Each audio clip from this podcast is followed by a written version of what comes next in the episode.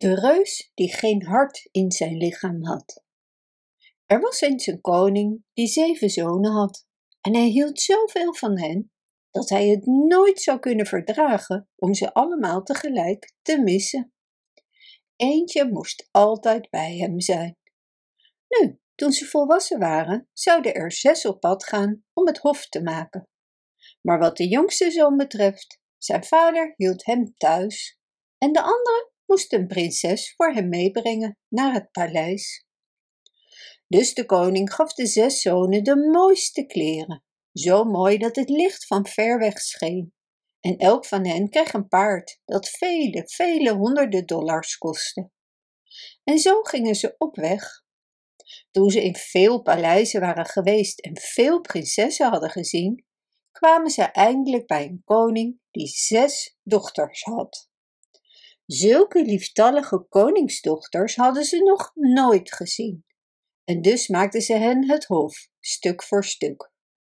Toen ze ze als geliefde hadden gekregen, gingen ze weer naar huis.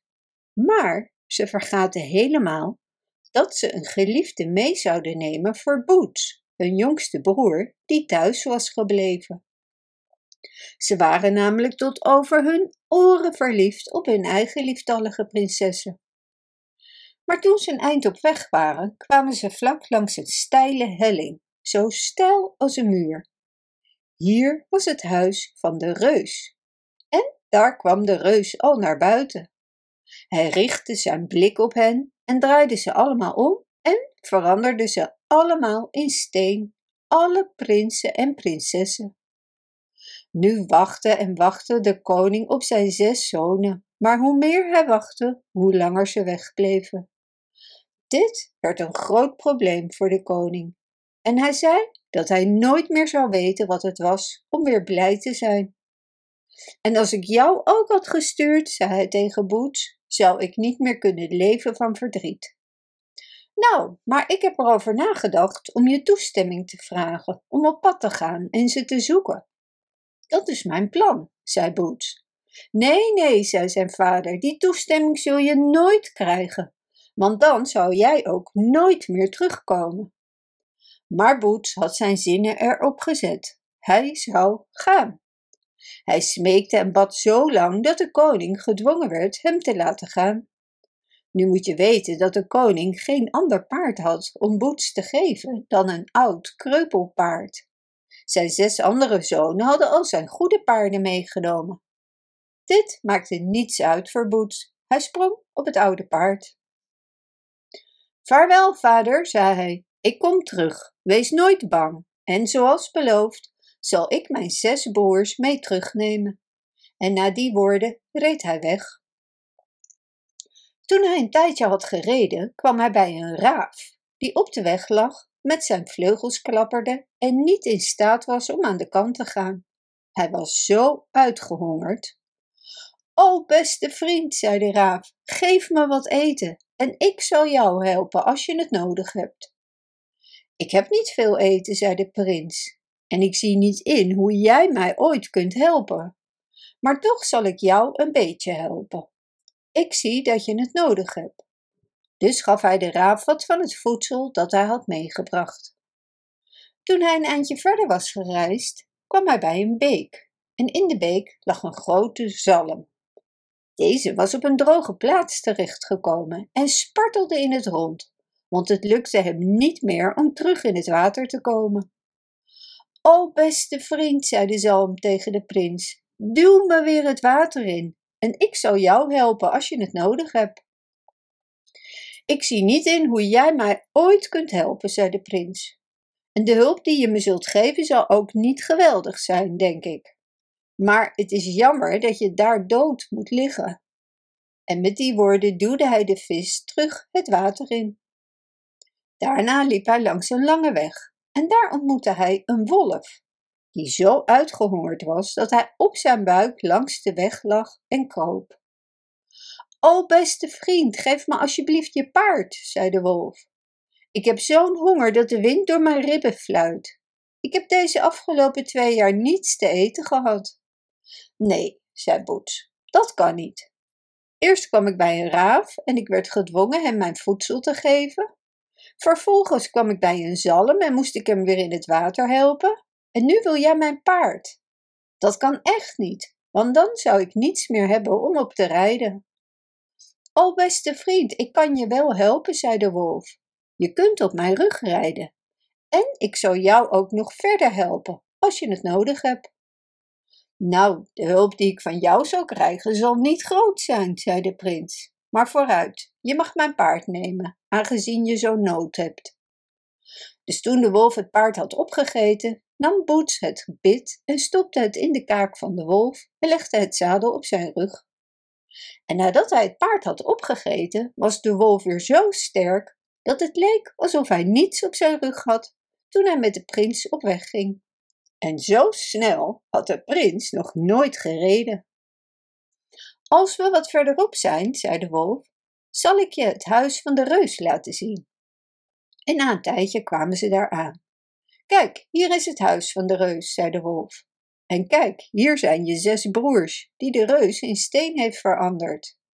En kijk, hier zijn hun zes bruiden. En daar ginds is de deur, en door die deur moet je naar binnen. Nee, ik durf niet naar binnen, zei de prins. Het zal mij mijn leven kosten. Nee, nee, zei de wolf. Als je naar binnen gaat, zul je een prinses vinden. En zij zal je vertellen wat je moet doen om een einde te maken aan de reus. Let alleen goed op en doe wat ze je vraagt. Boots verzamelde al zijn moed en ging naar binnen, maar eerlijk gezegd was hij erg bang. Toen hij binnenkwam was de reus weg, maar in een van de kamers zat de prinses, precies zoals de wolf had gezegd. En zo'n lieftallige prinses had Boots nog nooit gezien. O, lieve hemel, help, waar kom jij vandaan? zei de prinses toen ze hem zag. Dit zal zeker je dood worden. Niemand kan een einde maken aan de reus die hier woont, want hij heeft geen hart in zijn lichaam. We zullen zien, zei Boots. Nu ik hier ben, kan ik net zo goed proberen een einde aan hem te maken. En ik zal zien of ik mijn broers, die buiten in steen veranderd staan, kan bevrijden. En ik zal ook proberen jou te redden. Ik zal doen wat ik kan. Nou, als het echt moet, doe dan maar wat je moet doen, zei de prinses. Laten we kijken of we een plan kunnen bedenken. Kruip onder het bed daar ginds en let op en luister naar waar hij en ik over praten. Maar ik smeek je, lig zo stil als een muis. Dus kroop hij onder het bed en hij had zich nauwelijks verscholen of de reus kwam binnen.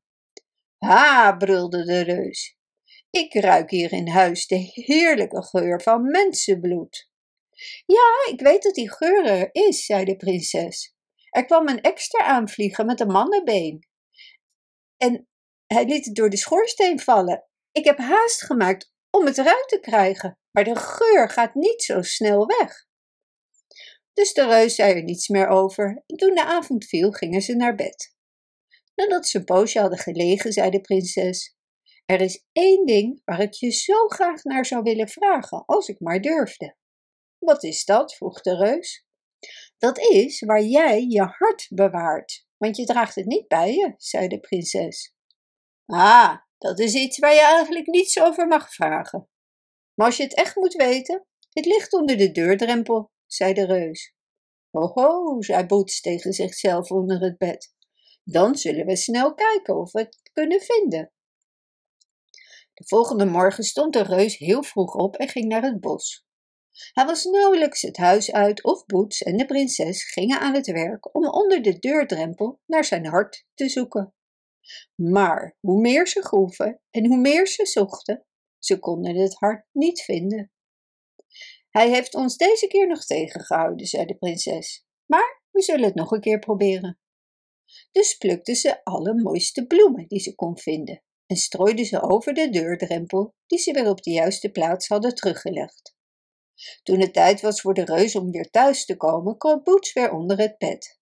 Hij was net ver genoeg eronder gekropen toen de reus binnenkwam. Snuif, snuif, ging de neus van de reus. Ik ruik de geur van mensenbloed en mijn ogen en ledematen willen op zoek, bromde hij. Ik weet dat die geur er is, zei de prinses, want er kwam een extra aanvliegen met een mandenbot in zijn snavel en die liet hij door de schoorsteen vallen. en ik heb zo snel mogelijk gehaast om het eruit te krijgen. Maar ik durf te zeggen dat het er nog erg naar ruikt hier. De reus zweeg en zei er niets meer over. Even later vroeg hij wie er bloemen op de deurdrempel had gestrooid.